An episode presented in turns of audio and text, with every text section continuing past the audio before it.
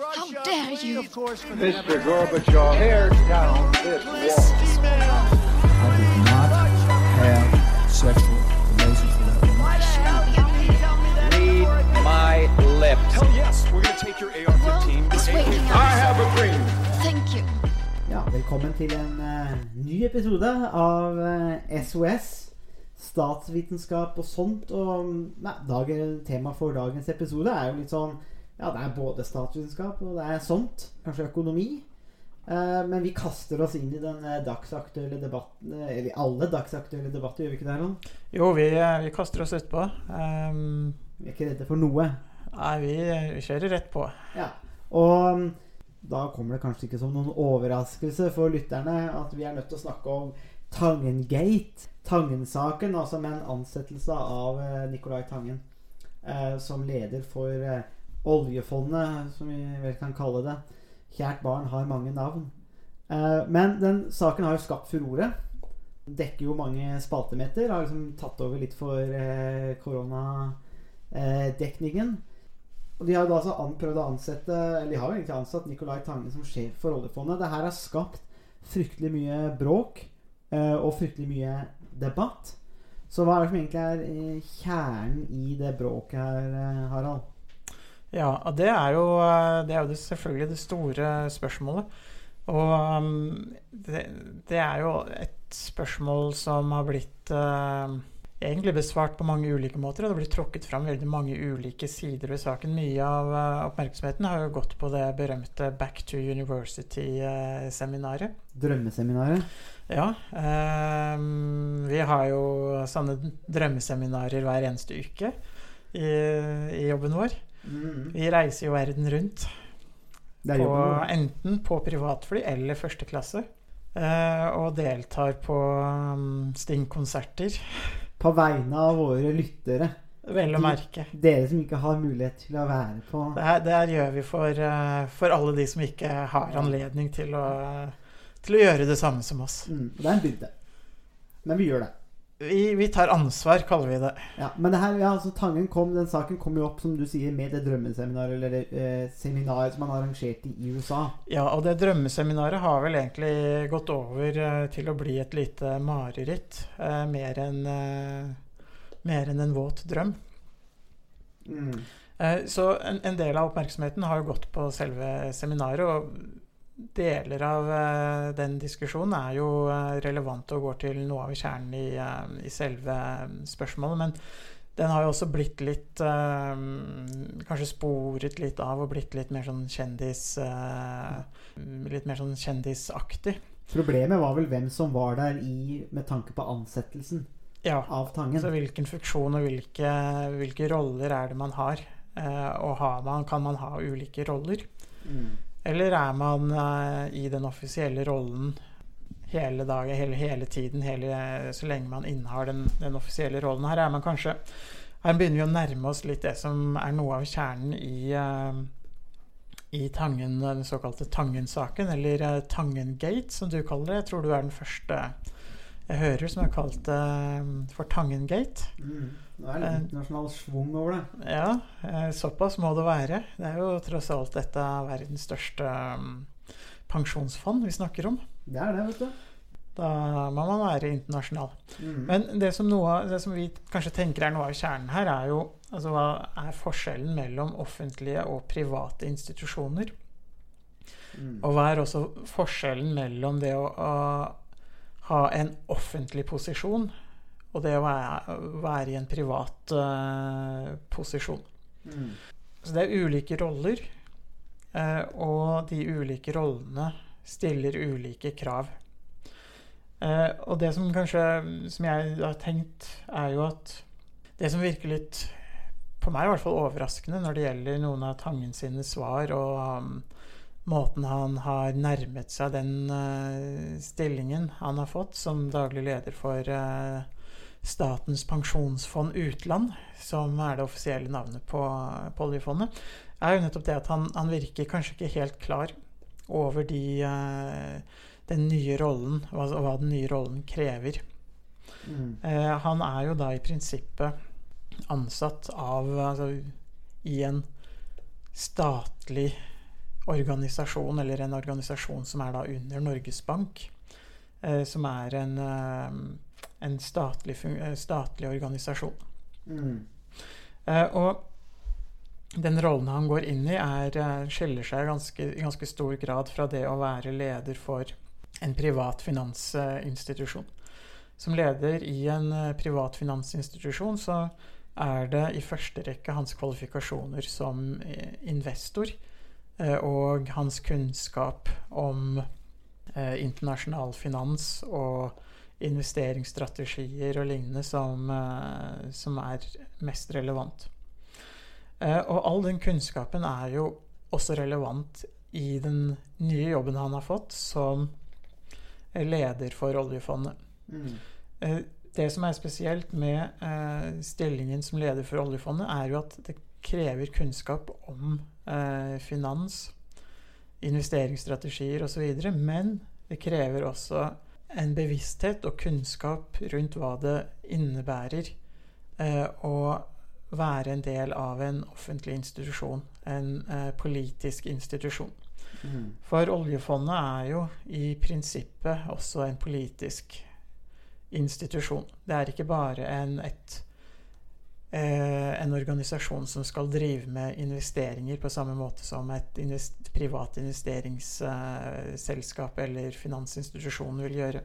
Det der er jo interessant at du sier, for jeg, jeg så på Dagsnytt 18 og en debatt, og da var det noen som sa at eh, oljefondet har fått kritikk for at det er for politisert. Eh, at det går for mye politikk i oljefondet, og at det skal, det skal bare handle om penger, det skal ikke handle om politikk.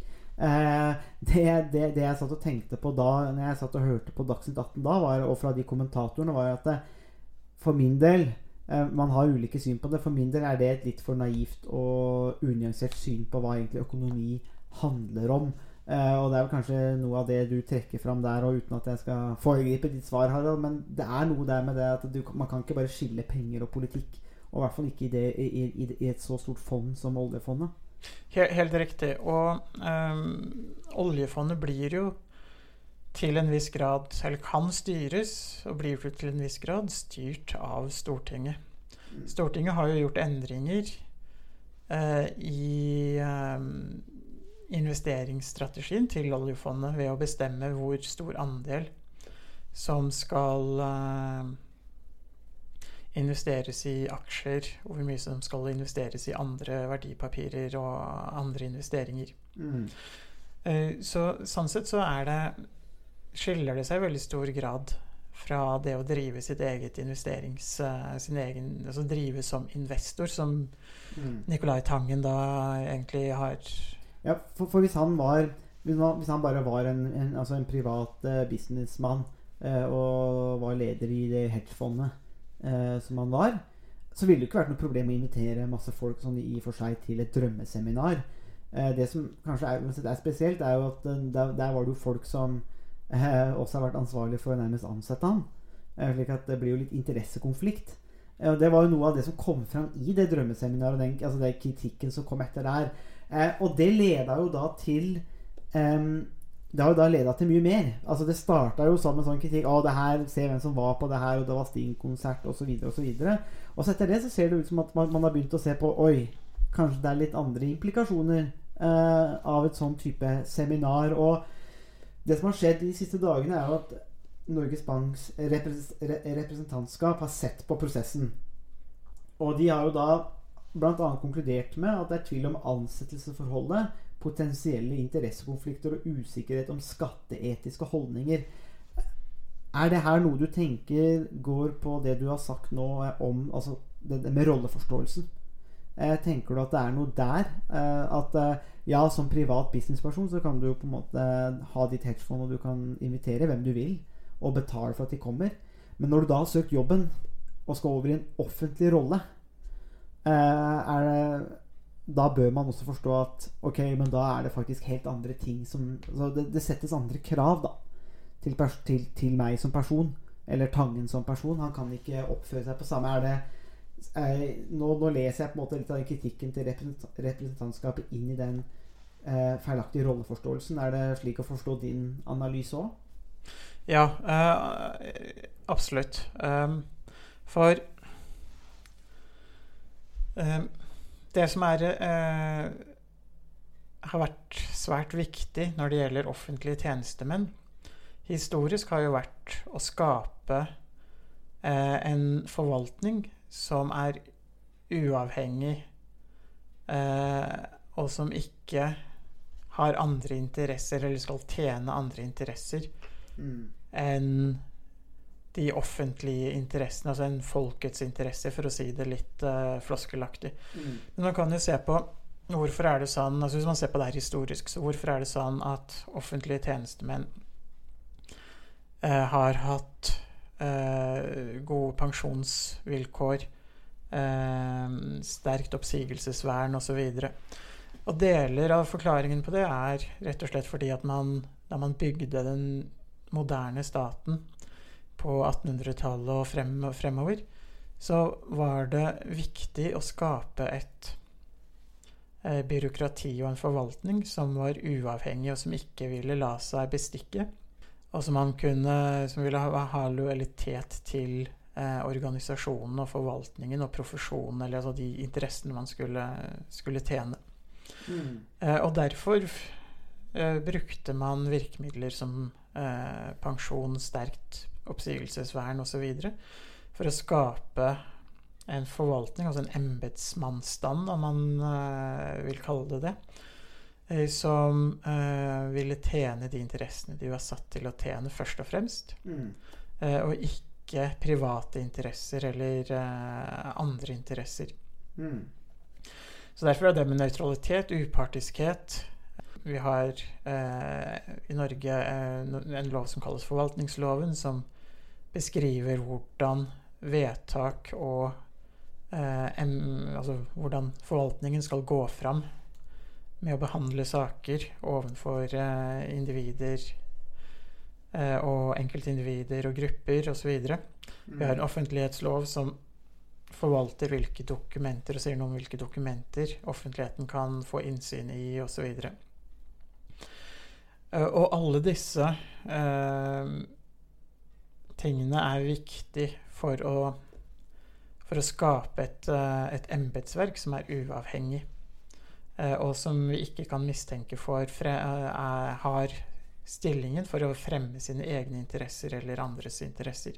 Mm. Ja, for i brevet fra representantskapet så skriver de jo også De starter jo også med å skrive at eh, altså for daglig leder eh, så må det altså skje eh, på en måte som opprettholder høy tillit i befolkningen og blant internasjonale markedsaktører. Men først og fremst kommer tilliten i befolkningen. For det er jo på en måte en offentlig institusjon. Så da får vi jo eh, helt i starten av brevet fra representantskapet eh, så kommer det i fokus med en gang nettopp den viktigheten av den tilliten da, som, du, som du er inne på med den offentlige. Hvem er det man tjener? Jo, er de offentlige interesser.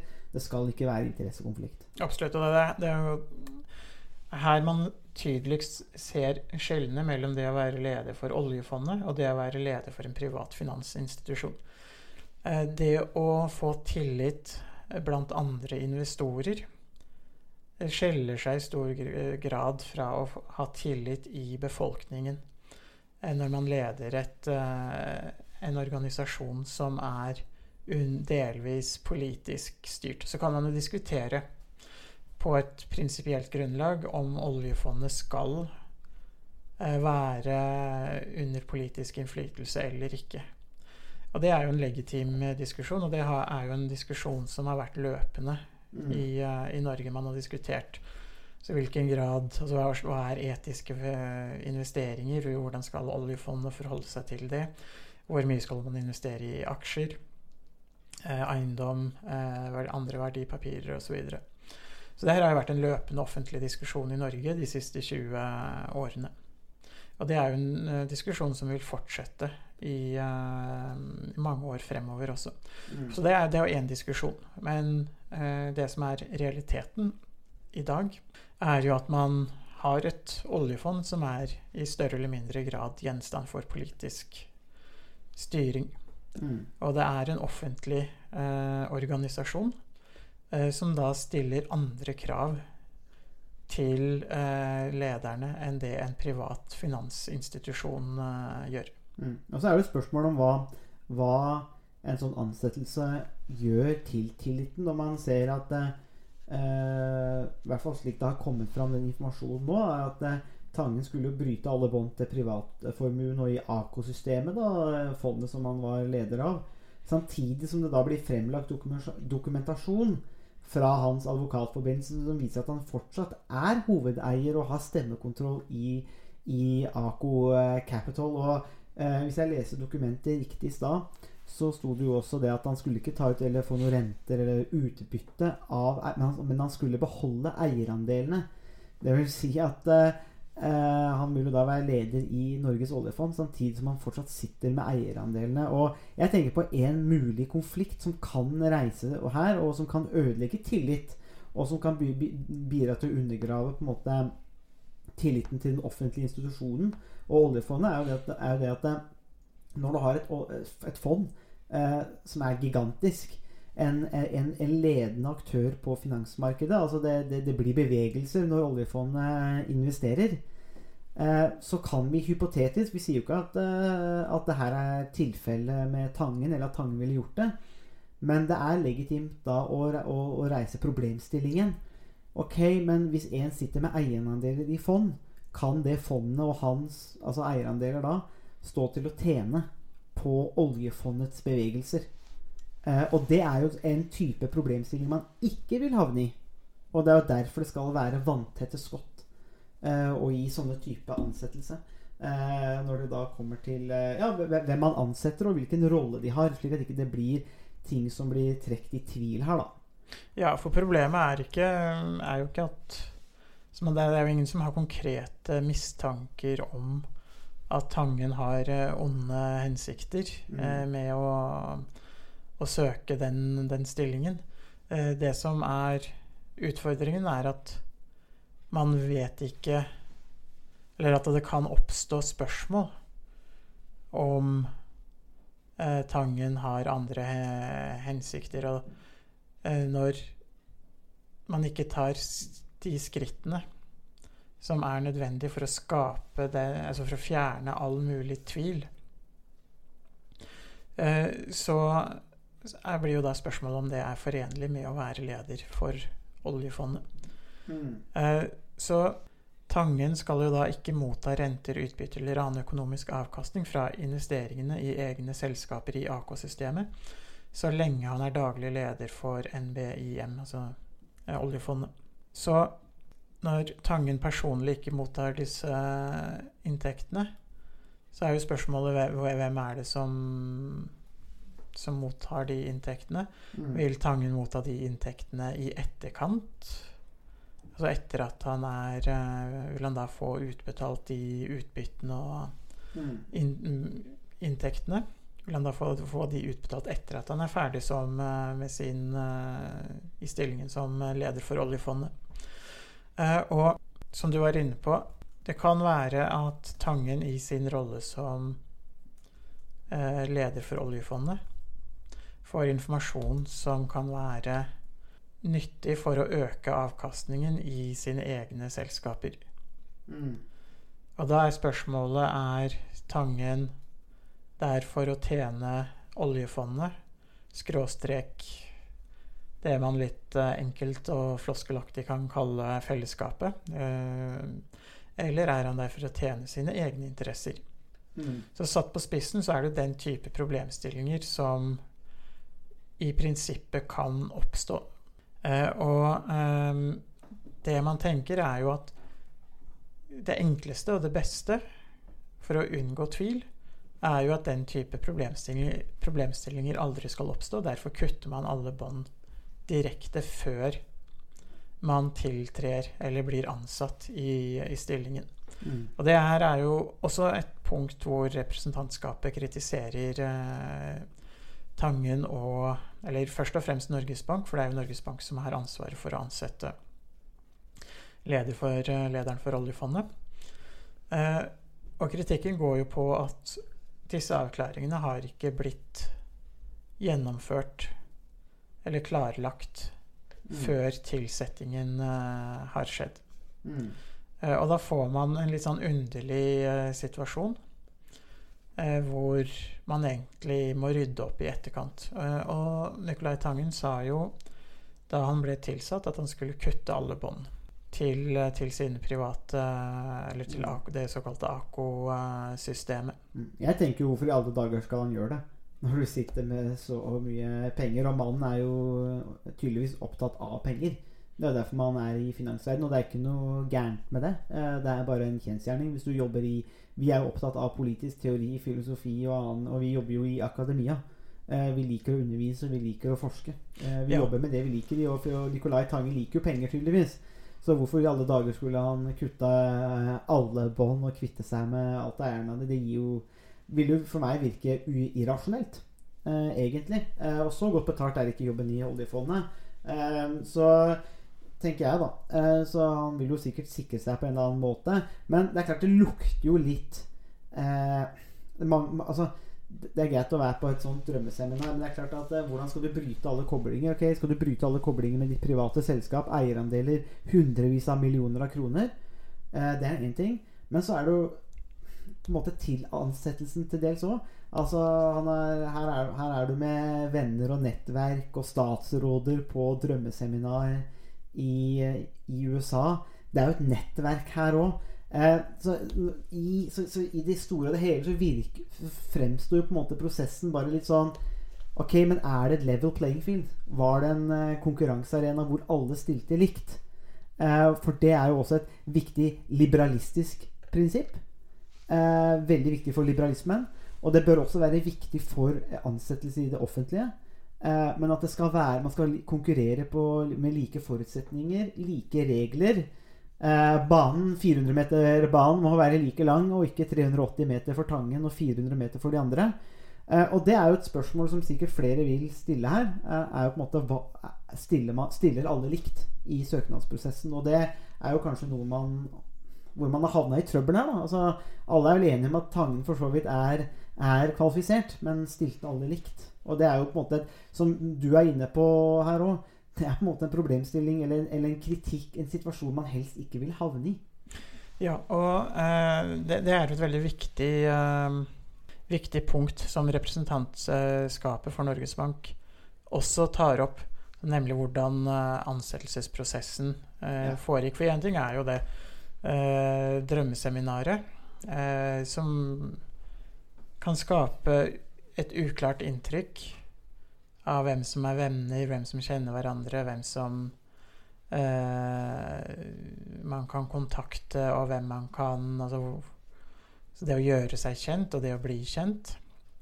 Eh, og representantskapet skriver jo i, sin, eh, i sitt brev til, til hovedstyret i Norges Bank på bakgrunn av fremgangsmåten i denne saken mener representantskapet at retningslinjene ikke er fulgt.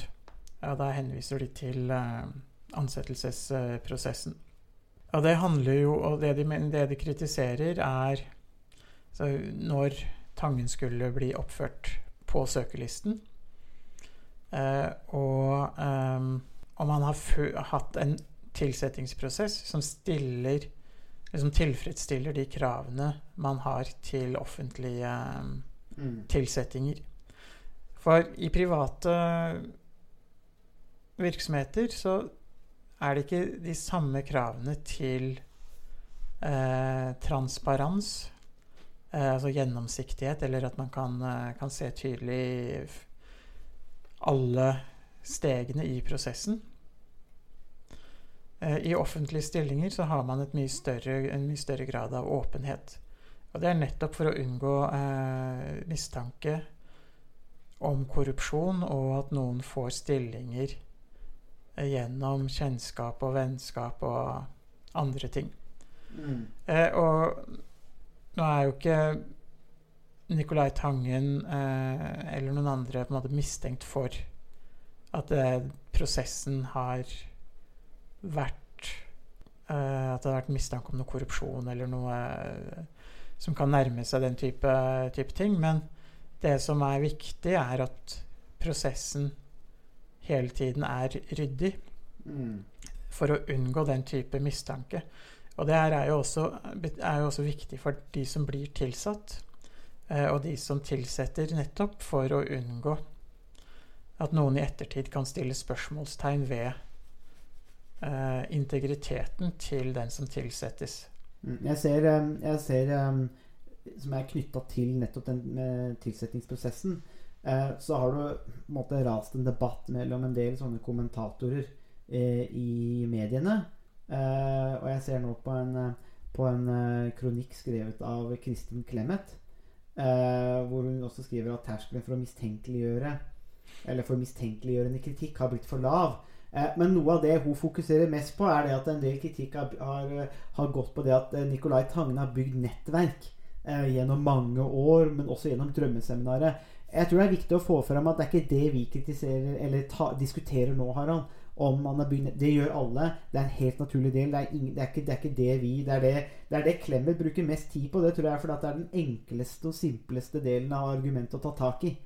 Eh, vi er mer interessert i de djupere delene av den prosessen. Det handler ikke om å bygge nettverk, men det handler om å eh, f.eks. på drømmeseminaret med det nettverket der folk er sentrale i tilsettingsprosessen, fordi det åpner for muligheten til å havne under den kritikk, eller det åpner for at tilsettingsprosessen ikke foregår med like forutsetninger. Eh, så kan godt Kristin Clemet og andre si at å, og, stå og skrike til hverandre og si at her er det kameratskap. Nei, her er det bare et vanlig nettverk. Men poenget er vel kanskje at i, i det private så går det fint, men i det offentlige så skal det helst ikke Sånne situasjoner skal helst ikke oppstå. Man skal helst ikke ha fløyet folk som er eh, sentrale i ansettelsen av deg i en ny posisjon til USA. eh, på et seminar altså det, er, det, er, det er en del ting der. Så vi, vi, vi går ikke Det er ikke, det er ikke, måte ikke nettverk her. Er, det er mer de større tingene. Og det der med tillit eh, og rolleforståelsen eh, og hvor vi er. Og det er jo det, vi har prøvd å få fram i den podkasten her. At eh, det er på en måte de djupere sidene eh, med saken. De kanskje litt mer sånn statsvitenskapelig. Og så får jo andre skrike over seg om nettverk og kjennskap og vennskap og rike mot, eh, mot resten og høyre mot venstresida og gudene vet hva eh, som de har lyst til å skrike om. Eh, men det er uansett noen alvorlige, alvorlige det, er no, det er noen alvorlige Vi må jo si det. Når Norges Banks representantskap retter så sterk kritikk Det er, det er ganske konservativt organ. Når de kommer med så sterk kritikk, da tror jeg de fleste forstår at her er det ting det må, som må tas tak i. Det tror jeg er hevet over enhver tvil. Ja, og eh, den kritikken som eh, har kommet fram, er jo veldig eh, eh, godt fundert. Eh, det er godt argumentert, og eh, man har dokumentert de forholdene man, man mener har, er kritikkverdig. Eh, så mm, det her er jo på mange områder egentlig en eksemplarisk eh, eh, måte å håndtere den type, type saker på. Men Viser at institusjonene fungerer, Harald? ja, det var faktisk akkurat det jeg hadde tenkt å si. Eh, det viser jo faktisk at representantskap, representantskapet har gjort en grundig jobb. Eh, og um, det viser også betydningen av at man jo i, spesielt i offentlige organisasjoner har den type representantskap eh, og den type eh, utvalg, komiteer, eller som kan som har som oppgave å, å etterse den institusjonen som de eh, som de er som de skal etterse.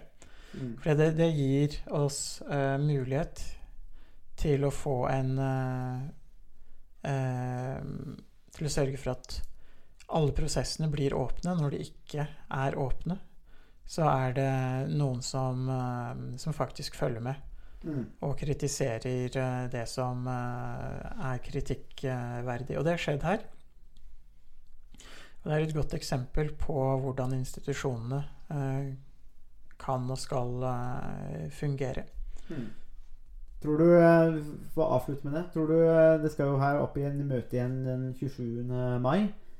Uh, hvis du var en gambler, Harald, hva ville du satt pengene på? Uh, blir Nicolai Tangen ansatt som uh, offisielt som sjef for oljefondet, eller tror du at det har blitt så mye bråk rundt ansettelsen at de må starte prosessen på nytt? Ja, uh, som vanlig, veldig godt spørsmål. Takk, takk. uh, Nicolai Tangen er jo formelt ansatt, sånn som jeg har forstått det.